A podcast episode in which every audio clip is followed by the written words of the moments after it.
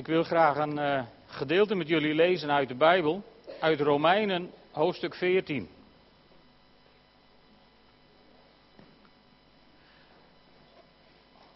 De oplettende lezer in de Sifra die heeft uh, misschien de afgelopen maanden een aantal artikelen voorbij zien komen van Willem Ouweneel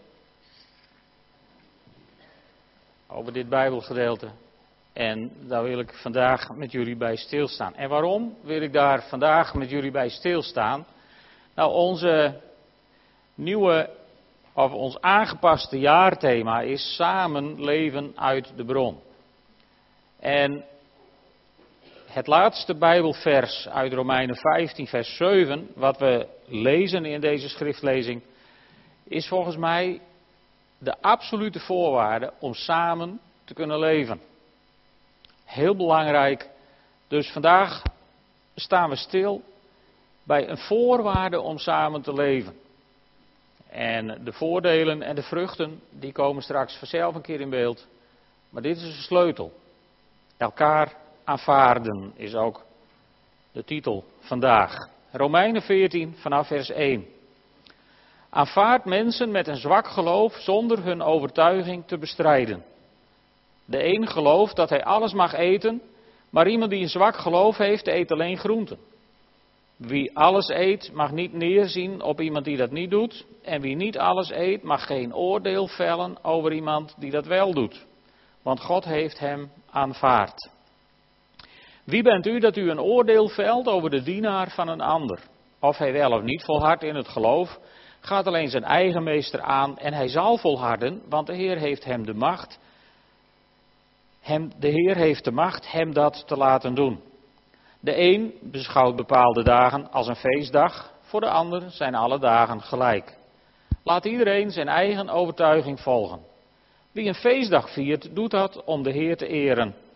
Wie alles eet, doet dat om de Heer te eren en hij dankt God voor zijn voedsel. Wie iets niet wil eten, laat het staan om de Heer te eren en ook hij dankt God. Niemand van ons leeft voor zichzelf en niemand van ons sterft voor zichzelf. Zolang wij leven, leven we voor de Heer. Wanneer wij sterven, sterven we voor de Heer. Dus of we nu leven of sterven, we zijn altijd van de Heer. Want Christus is gestorven en weer tot leven gekomen om te heersen over de doden en de levenden. Wie bent u dat u een oordeel velt over uw broeder of zuster? Heb ik kortsluiting? Of, uh...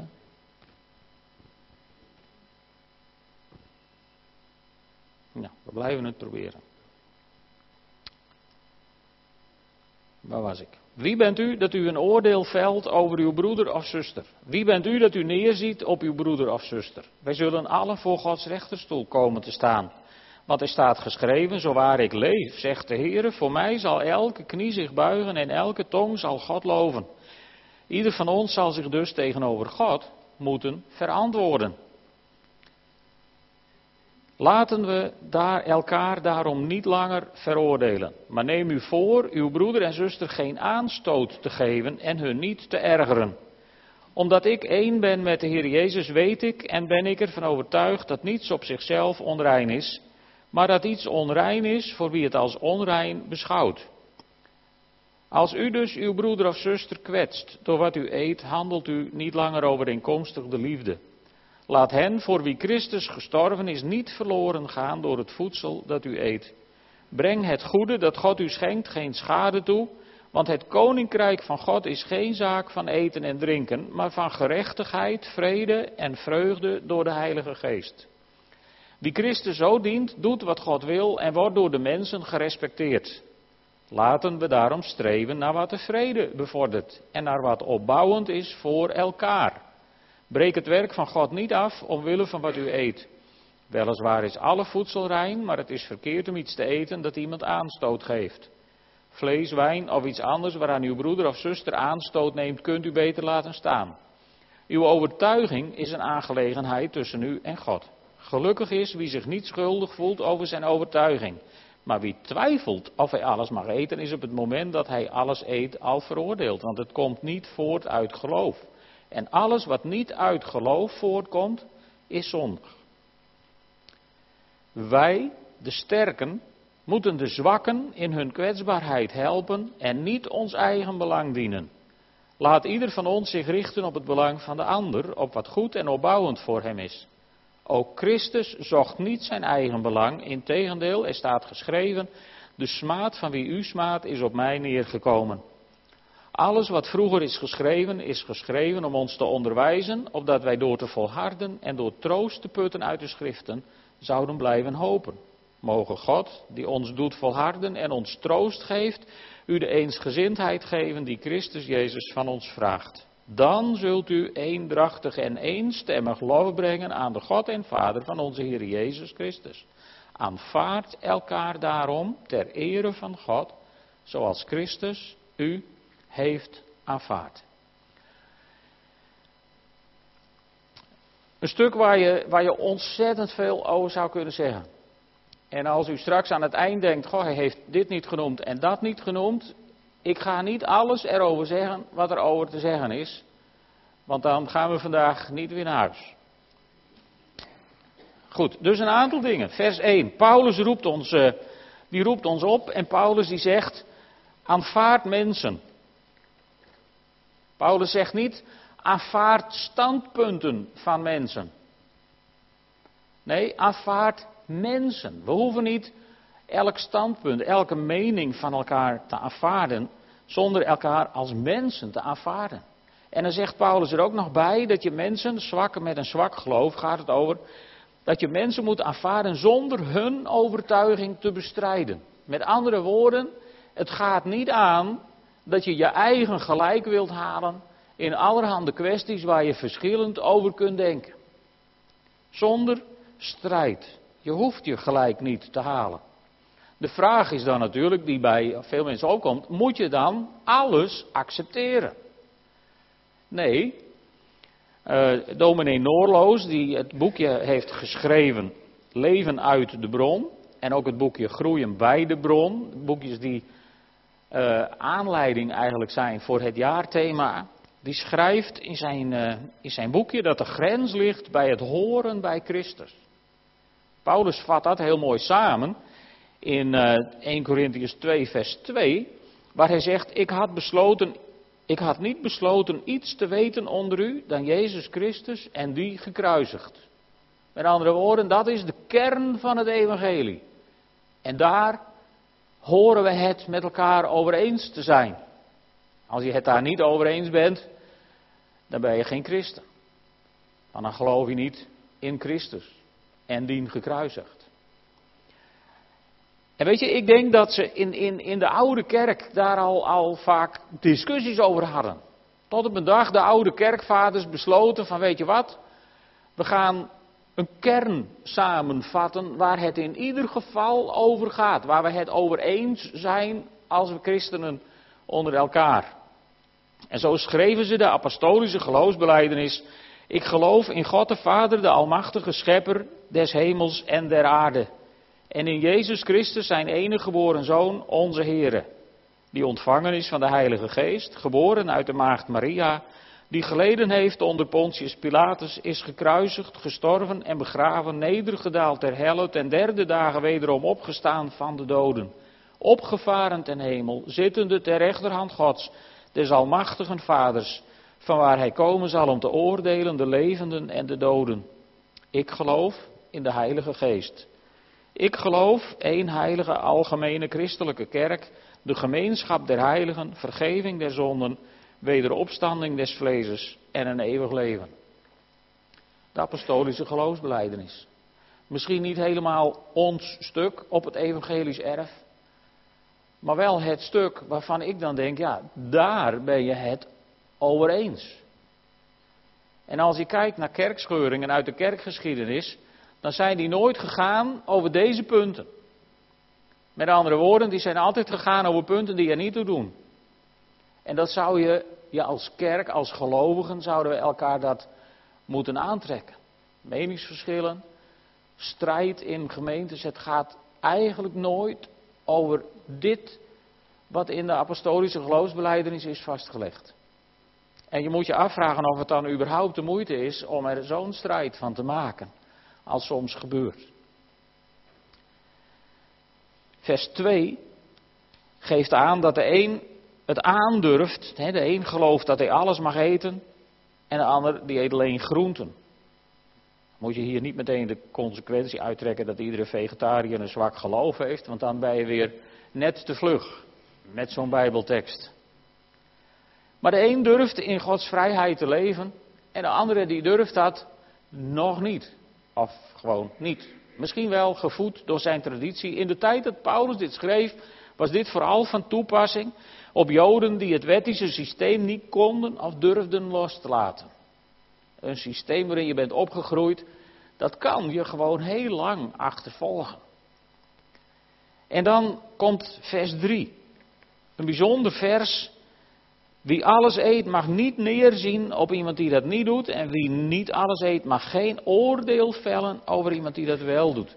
Je moet voor de aardigheid eens opletten hoe vaak de begrippen niet neerzien op en niet oordelen over voorkomen in dit Bijbelgedeelte, maar ook in de rest van het Nieuwe Testament. In het onderwijs van Jezus al. Hoe vaak staat dit niet in de Bijbel? En hoe vaak bezondigen we ons hier niet aan? Want ach, hoe gauw hebben we niet een oordeel over iets wat we niet leuk vinden? Dan zeggen we vaak niet, ik vind het niet leuk. Maar dan hebben we gauw van die, van die oordelen van het is niet bijbels, het is niet christelijk, het is niet eerbiedig, het is niet dienstbaar, het is niet... En dan zijn we aan het oordelen. En daar moeten we mee ophouden. En in de artikelenreeks van Willem Ouweneel wordt daar bijvoorbeeld over geschreven: als we straks voor de rechterstoel van Christus staan, hoe zal de Heer ons dan beoordelen? Het zou wel eens kunnen gebeuren, schrijft Willem Ouweneel, dat hij tegen ons zegt: Ik zal je beoordelen naar je eigen normen. Dat wil zeggen de normen waarmee je altijd je medegelovigen beoordeeld hebt. En de Heer Jezus heeft dat zo uitgedrukt in Matthäus 7. Oordeel niet, opdat er niet over jullie geoordeeld wordt. Want op grond van het oordeel dat je velt, zal er over je geoordeeld worden. En de maat waarmee jij de maat meet, zal jou de maat genomen worden. Waarom kijk je naar de splinter in het oog van je broeder of zuster, terwijl je de balk in je eigen oog niet opmerkt? Hoe kun je tegen hen zeggen, laat mij die splinter uit je oog verwijderen, zolang je nog een balk in je eigen oog hebt? Huigelaar, verwijder eerst de balk uit je eigen oog. Pas dan zul je scherp genoeg zien om de splinter uit het oog van je broeder of je zuster te verwijderen. Goh, ja, waren we allemaal maar bezig met die balk, dan zouden we veel minder ruzie hebben om splinters. Mijn, uh, een man die in mijn leven veel betekend heeft, broeder Piet in het Duits, Piet van Zutphen, die, uh, die vertelde over een huis in Hamburg. Er was een diakonessenhuis in Hamburg en daar vingen ze prostituees op van de reperbaan die uit dat leven wilden stappen. En hij zei, er was een spreekkamer waar ze dan voor een, een, zeg maar een soort intakegesprek ingingen met iemand om, om beleidenis te doen van hun zonden en gebed te krijgen voor bevrijding. En Piet van Zutphen die zei, dat was op de zolder van dat huis. En als hij door de deur kwam, dan was er ongeveer op deze hoogte een joekel van een balk. was een spand uit de kapconstructie. En die balk was niet bekleed met schuimrubber. Maar er hing wel een klein bordje op. Eerst de balk. Als herinnering voor de pastor die daarin ging om naar het zondige leven te luisteren van zo iemand. Eerst de balk.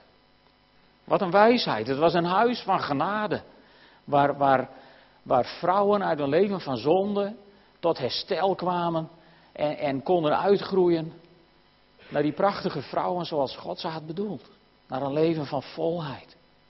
Durven wij het oordeel aan God over te laten en zo'n huis van genade te zijn? Goed, in vers 5 gaat het dan nog even over of je wel de Sabbat moet vieren of niet de Sabbat, wel Joodse feesten of geen Joodse feesten. En Paulus zegt, laat iedereen zijn eigen overtuiging volgen. Want zegt hij, dan vervolgens, wie een feestdag viert, doet het om de Heer te eren. Wie alles eet, doet het om de Heer te eren. En wie iets niet wil of niet wil eten, doet het ook om de Heer te eren. Dus met andere woorden, het gaat niet om de wet op papier van wat wel mag en niet mag, wel moet en niet moet. Het gaat om wat in jouw hart is. Wat is er in jouw hart als het gaat over zulke dingen? Weet je, dit neemt alle ruimte weg om elkaar op de nek te zitten. Het ontneemt ons overigens ook het recht om anderen die niet christelijk zijn en, en helemaal niet geloven, bijvoorbeeld zondagsrust voor te schrijven of whatever. Laat iedereen zijn eigen overtuiging volgen en laten we niet elkaar en andere mensen op de nek zitten met onze overtuigingen. Een tijd geleden zijn we hier ook alles mee bezig geweest.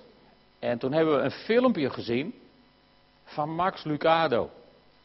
En dat wou ik jullie even weer laten zien. Even ter herinnering. Even kleine opfriscursus. Door Max Lucado. De Nerflanders waren kleine mensen van hout. Alle houten mensen waren gemaakt door Eli, een houtsnijder. Eli's werkplaats lag bovenop een heuvel, zodat hij het hele dorp goed kon zien. Elke Nerflander zag er anders uit.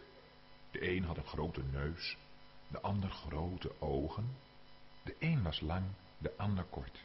De een droeg een hoed, de ander een jas. Maar ze waren allemaal gemaakt door dezelfde houtsnijder. En ze woonden allemaal in hetzelfde dorp. De Nerflanders deden elke dag hetzelfde. Ze gaven elkaar stickers. Elke Nerflander had twee dozen met stickers. één met gouden sterren en één met grijze stippen. Waar je ook keek, in alle straten en steegjes, overal waren de mensen bezig bij elkaar sterren of stippen op te plakken. De Nerflanders die er mooi uitzagen, met glad hout en glanzende verf, kregen altijd sterren. Maar de Nerflanders van wie het hout ruw was of de verf afgebladderd, kregen stippen. De Nerflanders die iets heel goed konden, kregen ook sterren. Sommigen konden zware voorwerpen boven hun hoofd tillen of over een hoge stapel dozen springen. Anderen kenden moeilijke woorden of zongen heel mooi. Van iedereen kregen zij sterren. Sommige nerflanders waren bedekt met sterren. En elke keer dat zij er een ster bij kregen, voelden ze zich heel gelukkig en wilden ze snel iets doen om nog een ster te verdienen. Maar er waren ook nerflanders die weinig bijzonders konden. Zij kregen stippen. Wout bijvoorbeeld. Steeds als hij probeerde net zo hoog te springen als de anderen, viel hij. En als hij viel, kwamen de andere mensen naar hem toe om hem stippen te geven. Soms gebeurde het bij zo'n valpartij dat zijn hout werd beschadigd. Dan gaven de mensen hem nog meer stippen. En als Wout probeerde uit te leggen waarom hij was gevallen, zei hij per ongeluk iets geks, waardoor de nerflanders hem nog meer stippen gaven. Na een poosje hadden de mensen zoveel stippen op hem geplakt, dat hij niet meer naar buiten durfde. Hij was bang dat hij weer iets doms zou doen, zoals zijn hoed vergeten of in het water vallen. Dan zouden de mensen hem nog veel meer stippen geven. Omdat Wout nu zoveel grijze stippen had, kwamen de mensen soms zomaar naar hem toe om hem een stip te geven, zonder dat hij iets verkeerds had gedaan. Hij verdient het om zoveel grijze stippen te krijgen, zeiden de mensen tegen elkaar. Hij is geen goede houten jongen. Het duurde niet lang, of Wout ging dit zelf ook geloven. Ik ben geen goede nerflander, dacht hij. De weinige keren dat hij naar buiten ging, trok hij op met andere nerflanders, die ook veel grijze stippen hadden. Bij hen voelde hij zich iets beter. Op een dag ontmoette hij een nerflander die anders was dan alle mensen die hij ooit had ontmoet. Zij was van puur hout, zonder sterren of stippen. Ze heette Lucia. De mensen probeerden haar wel stickers te geven, maar de stickers bleven gewoon niet plakken. Sommige mensen hadden bewondering voor Lucia, omdat zij helemaal geen stippen had. Dus wilden ze haar een ster geven.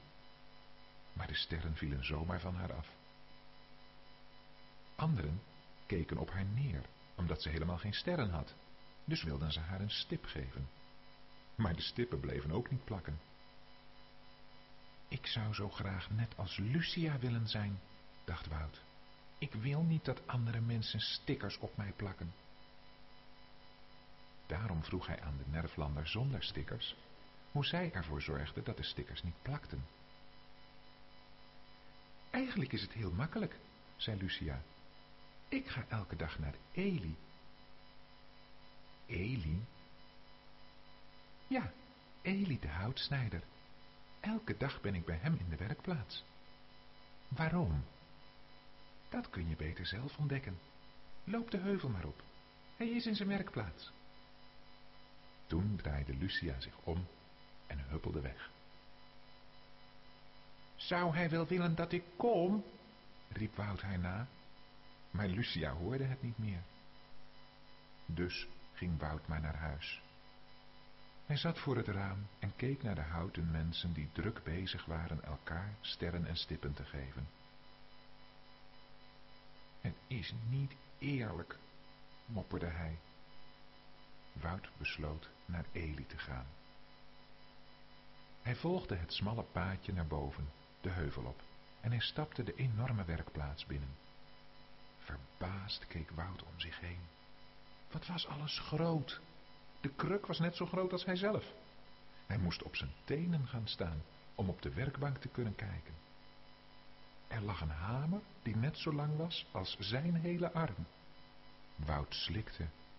Ik ga hier snel weer weg, dacht hij, en hij draaide zich om. Toen hoorde hij zijn naam. Wout. De stem klonk diep en sterk. Wout bleef staan. Wout, wat fijn dat je bent gekomen. Kom eens dichterbij, dan kan ik je goed zien. Wout draaide zich langzaam om en keek naar de houtsnijder. Weet u wie ik ben? vroeg de kleine nerflander verbaasd. Natuurlijk weet ik wie je bent. Ik heb jezelf gemaakt. Eli kwam van zijn stoel af, tilde Wout op en zette hem op zijn werkbank. Hmm, mompelde de maker toen hij alle grijze stippen zag. Ik zie dat de mensen jou geen goede nerflander vinden.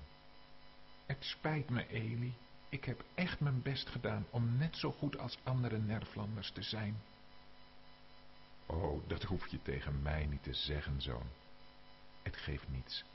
Ik trek me niets aan van wat andere mensen denken. Oh nee, vroeg Wout verbaasd. Nee, en eigenlijk zou jij het ook niet erg moeten vinden. Zij delen sterren en stippen uit, maar alle nerflanders zijn net als jij. Het maakt niet uit wat zij van je vinden. Het gaat erom wat ik van je vind. En ik vind jou heel bijzonder.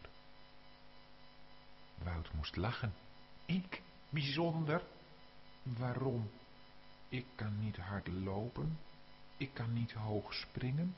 Mijn verf is afgebladderd. Waarom vindt u mij bijzonder? Eli keek hem aan, legde zijn handen op de kleine houten schouders en zei met nadruk, omdat je bij mij hoort. Daarom vind ik jou zo bijzonder. Ik hou van jou. Wout had nog nooit meegemaakt dat iemand zo naar hem keek. En dit was niet zomaar iemand, nee, dit was zijn maker. Hij wist niet wat hij moest zeggen. Elke dag hoopte ik dat je bij me zou komen, vertelde Eli. Ik ben gekomen omdat ik iemand heb ontmoet die niet was beplakt met sterren of stippen, legde Wout uit. Ik weet het. Ze heeft me over jou verteld. Hoe komt het dat de stickers bij haar niet blijven plakken? De maker sprak rustig. Omdat zij heeft besloten dat wat ik van haar vind belangrijker is dan wat de mensen van haar vinden. De stickers blijven alleen plakken als je dat zelf wilt. Oh ja? De stickers plakken alleen als je ze belangrijk vindt. Hoe meer je op mijn liefde vertrouwt, hoe minder belangrijk je de stickers van andere mensen vindt. Ik weet niet zeker of ik helemaal begrijp wat u zegt. Eli glimlachte. Wacht maar, je zult het wel gaan begrijpen. Je hebt nu heel veel stickers. Kom elke dag maar bij me, zodat ik je kan laten merken hoeveel ik van je houd. Eli tilde Wout van de werkbank af en zette hem op de grond. Vergeet het niet, zei Eli toen de nerflander de deur uitliep. Jij bent bijzonder, omdat ik je heb gemaakt. En ik maak geen fouten. Toen Wout de werkplaats uitliep, dacht hij, volgens mij meent Eli het echt. En terwijl hij dat dacht, viel er een grijze stip op de grond.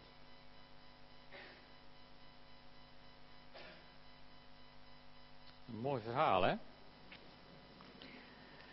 In februari 2010 heb ik daar het volgende over gezegd. Het stickerplakken moet stoppen. Het vervelende is dat je dat als bestikkerde niet in de hand hebt. Zou je zelf ook iets aan kunnen doen? Jazeker. Je zou ervoor kunnen kiezen je gewoon niet langer te ergeren. Zo zou je er ook voor kunnen kiezen om je niet langer te laten intimideren door roddel of niet langer afhankelijk te zijn van goedkeuring van andere mensen. En als de stickers niet meer blijven plakken, is de lol voor de stickerplakkers er gauw af. Alleen, deze keuze kun je niet uit eigen kracht maken. Daarvoor moet je naar je waker, je maker, die jou ziet zoals je werkelijk bent. Het verhaal van Wout, van Max Lucado. In vers 13, daar lezen we dat je je broeder en je zuster geen aanstoot moet geven en hun niet moet ergeren in de NBV-vertaling. Dat is een veel te zwakke vertaling, zoals het er staat. Ik geloof dat de herziene statenvertaling het wat dat betreft veel scherper te pakken heeft wat hier bedoeld wordt. Daar staat dat je de broeder geen aanstoot of oorzaak tot struikelen moet geven. Het woord wat er hier in het Grieks gebruikt wordt, is namelijk het woord wat Jezus ook gebruikt als hij het erover heeft dat mensen aanstoot aan hem zullen nemen en dat hij een steen des aanstoots zal zijn, een steen waar mensen over zullen vallen. Dus ergeren is, is te gemakkelijk, te goedkoop. Het gaat hier over rekening houden met elkaar in plaats van elkaar oordelen en dat hoort wederzijds te zijn en nooit eenrichtingsverkeer. Het gaat hier dus uitdrukkelijk over aanstoot geven waardoor mensen vallen. Dat kun je ook zien in vers 15. Daar wordt dat bevestigd. Het gaat er dus om dat ik de ander geen reden geef zijn geloof te verliezen. En niet om het feit of die ander zich aan mij ergert of niet. Dat is namelijk niet mijn, maar die ander zijn of haar probleem. Zeker als het om volwassenen christenen gaat, want die horen namelijk geen aanstoot te nemen. Dit stukje gaat wel over aanstoot geven, maar eh, over aanstoot nemen, dus je hevig ergeren aan mensen, zegt de Bijbel ook iets heel boeiends. In Matthäus 26, daar is Jezus in het huis van Simon, een fariseer, degene die aan huidvraat had geleden. Hij lag daar aan voor de maaltijd en toen kwam er een vrouw naar hem toe met een albasten flesje met zeer kostbare olie. En daarvan brak ze de haals af en goot die olie uit over zijn hoofd. Ongeveer een jaar salaris. En de leerlingen, de discipelen, ergerden zich toen ze dit zagen en zeiden: Wat een verspilling. Die olie had immers duur verkocht kunnen worden en dan hadden we het geld aan de armen kunnen geven. Maar Jezus hoorde het en zei: Waarom vallen jullie deze vrouw lastig? Zij heeft iets goeds voor mij gedaan. Want de armen zijn altijd bij jullie, maar ik zal niet altijd bij jullie zijn. Door de olie over mij uit te gieten, heeft ze mijn lichaam voorbereid op het graf. Ik verzeker jullie, waar ook ter wereld het goede nieuws verkondigd zal worden, zal ter herinnering aan haar verteld worden wat ze heeft gedaan. Toen ik dat las, toen dacht ik, hoe wil ik de geschiedenis in? Wil ik de geschiedenis in als iemand die aan Jezus iets goeds heeft gedaan? Of wil ik de geschiedenis in als iemand die zich ergerde en vervolgens door Jezus op zijn nummer werd gezet? Want die vrouw, die komt veel beter uit dit verhaal. dan de discipelen, laten we eerlijk zijn. Want als we dit lezen, dan denken we allemaal, nou, nou, nou, die discipelen zaten er mooi naast. Ja, maar zo zou ik de geschiedenis niet in willen. Dus je ergeren is niet handig. En er zullen toch altijd mensen zijn die zich ergeren, zich storen, aanstoot nemen. Ook aan Jezus werd aanstoot genomen. In Matthäus 15, vers 12, daar staat dat de leerlingen bij Jezus kwamen en tegen hem zeggen: Weet u dat de Fariseeën uw uitspraken gehoord hebben en dat ze die stuitend vinden, dat ze er aanstoot aan nemen, dat ze zich eraan ergeren? En dan zegt Jezus in vers 14: Laat ze toch, die blinde, blinden geleiders. En dat was niet bedoeld als compliment.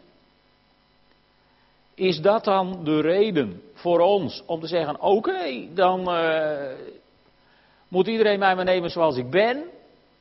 Nee, dit is geen aanleiding om je te misdragen. Ik wil nog een stukje van Willem Ouweneel voorlezen. We horen wel eens zeggen: de broeders en zusters moeten mij maar nemen zoals ik ben. Maar dat is een omkering van de zaak. Na onze bekering hebben we door de kracht van de Heilige Geest de mogelijkheid aan onze hebbelijkheden te werken om te leren wandelen naar Gods woord. We mogen nooit genoegen nemen met onze karakterzwakheden en nog veel minder eisen dat anderen die maar moeten accepteren. Het is waar, wij hebben de ander te accepteren met zijn tekortkomingen, maar die ander mag dit nooit van ons eisen. Op dit punt gebruiken als excuus voor zijn tekortkomingen. Aanvaarding van de ander betekent aanvaarding met alle hebbelijkheden van die ander. Aanvaarding mag dan ook nooit gebeuren met een soort geheime voorwaarden die men ook wel eens in bepaalde huwelijken vindt. Let op, mensen die aan de marriage course beginnen deze komende week. En misschien denk je als je dit direct gehoord hebt, oeh, dan mag ik ook wel naar die marriage course. Misschien kan er nog wel een stel bij. Let op, Willem Ouweneel zegt, zo mag het niet zijn. De volgende zin is dus een zin zoals het niet mag zijn.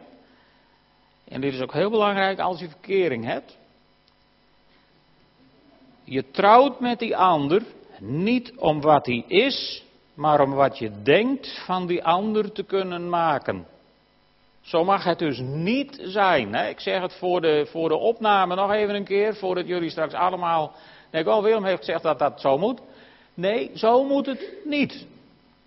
En zo, zegt Willem Ouweneel, moet je ook bereid zijn je broeders en zusters te aanvaarden, maar dan wel met de geheime voorwaarden dat ze dan zullen moeten veranderen naar jouw model. Je aanvaardt ze om ze te kunnen veranderen en dat is een grove vergissing. Het is goed voor ogen te houden dat wij niet de ander kunnen veranderen, maar alleen onszelf. Als je Engels kunt lezen, heb ik een aanrader voor je. Er is een heel mooi boek, dat heet No Perfect People Allowed van John Burke.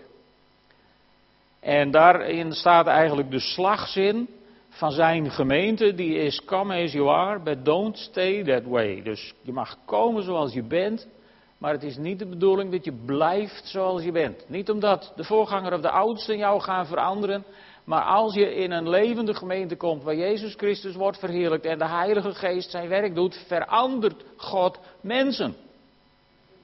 God, hè? Goed onthouden. Niemand anders. Dat is heel belangrijk.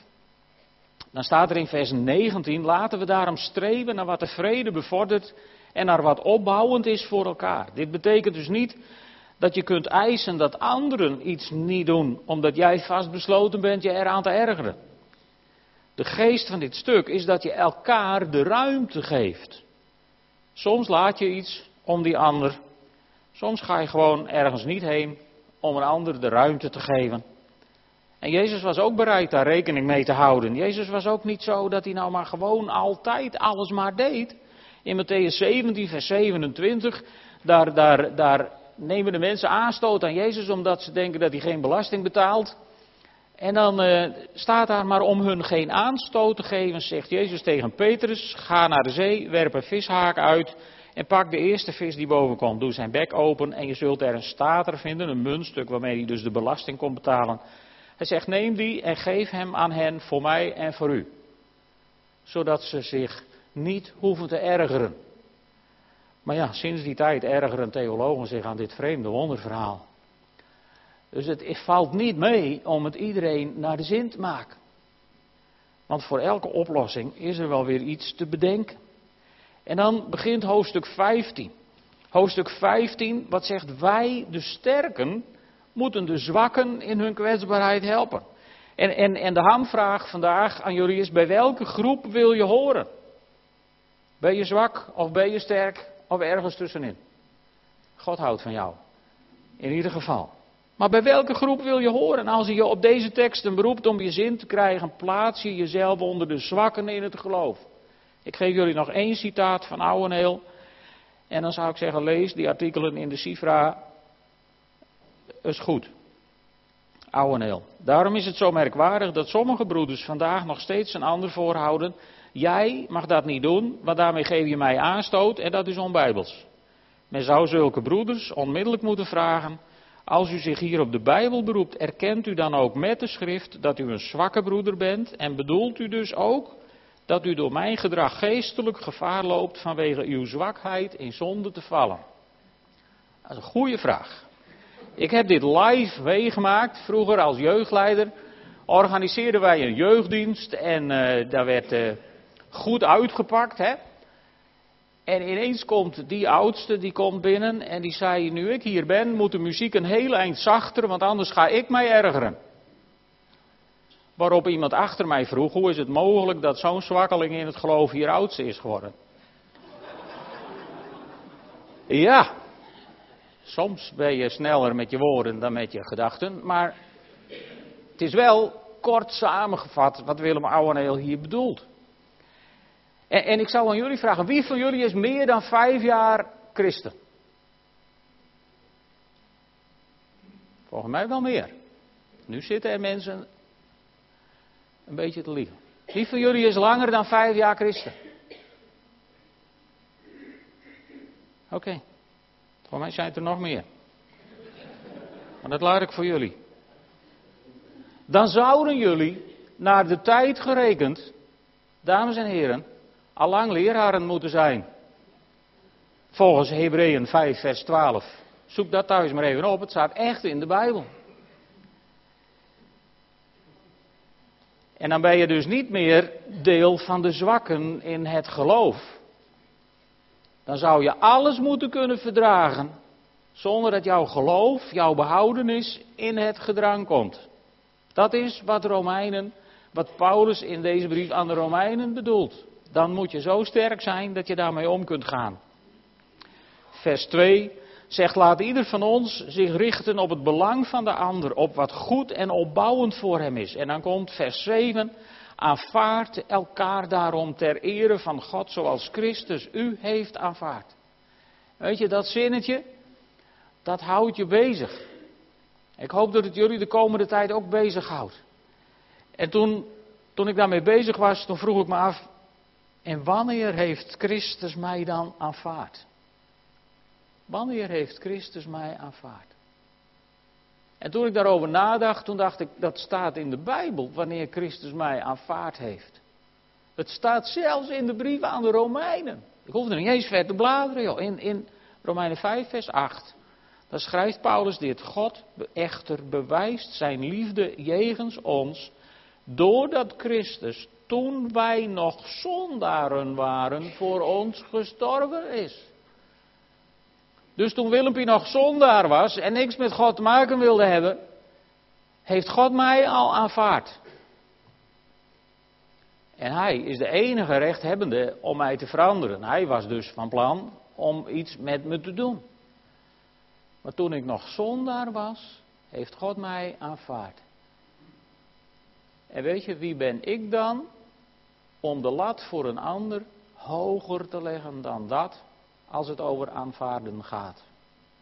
Aanvaard elkander ter ere van God, zoals Christus u heeft aanvaard. En ik weet dat dat soms best wel eens ingewikkeld kan zijn. Soms zijn er mensen die maken het je niet gemakkelijk om ze te aanvaarden. En, en, en ik zal ook wel iemand zijn die het sommige mensen niet gemakkelijk maakt om mij te aanvaarden. En dat vind ik verdrietig genoeg.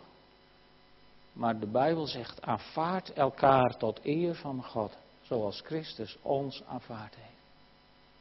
Laten we de lat voor een ander niet hoger leggen dan dat Jezus hem legde voor ons. Zullen we gaan staan en samen bidden?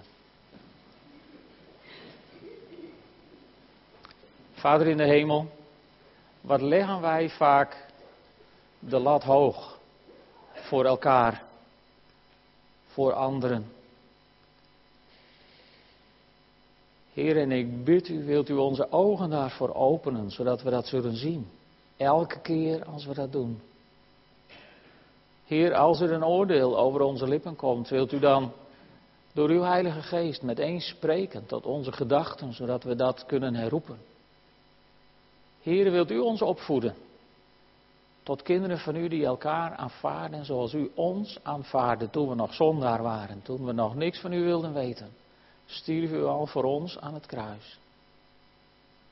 Heer God, help ons om in onze levens de lat voor een ander niet hoger te leggen dan dat u hem legde voor ons. Heere, u bent een God van genade. En ik bid u, laat ons mensen worden van genade. En laat ons als gemeente een huis worden van genade. Waar mensen tot heling en tot genezing komen, zonder op de nek gezeten te worden. In alle ruimte en in alle vrijheid. Diep aangeraakt door uw Heilige Geest. Heere God, ik prijs u dat u zo genadig naar ons omziet. Dank u wel voor uw grootheid en voor uw liefde. In de naam van Jezus. Amen.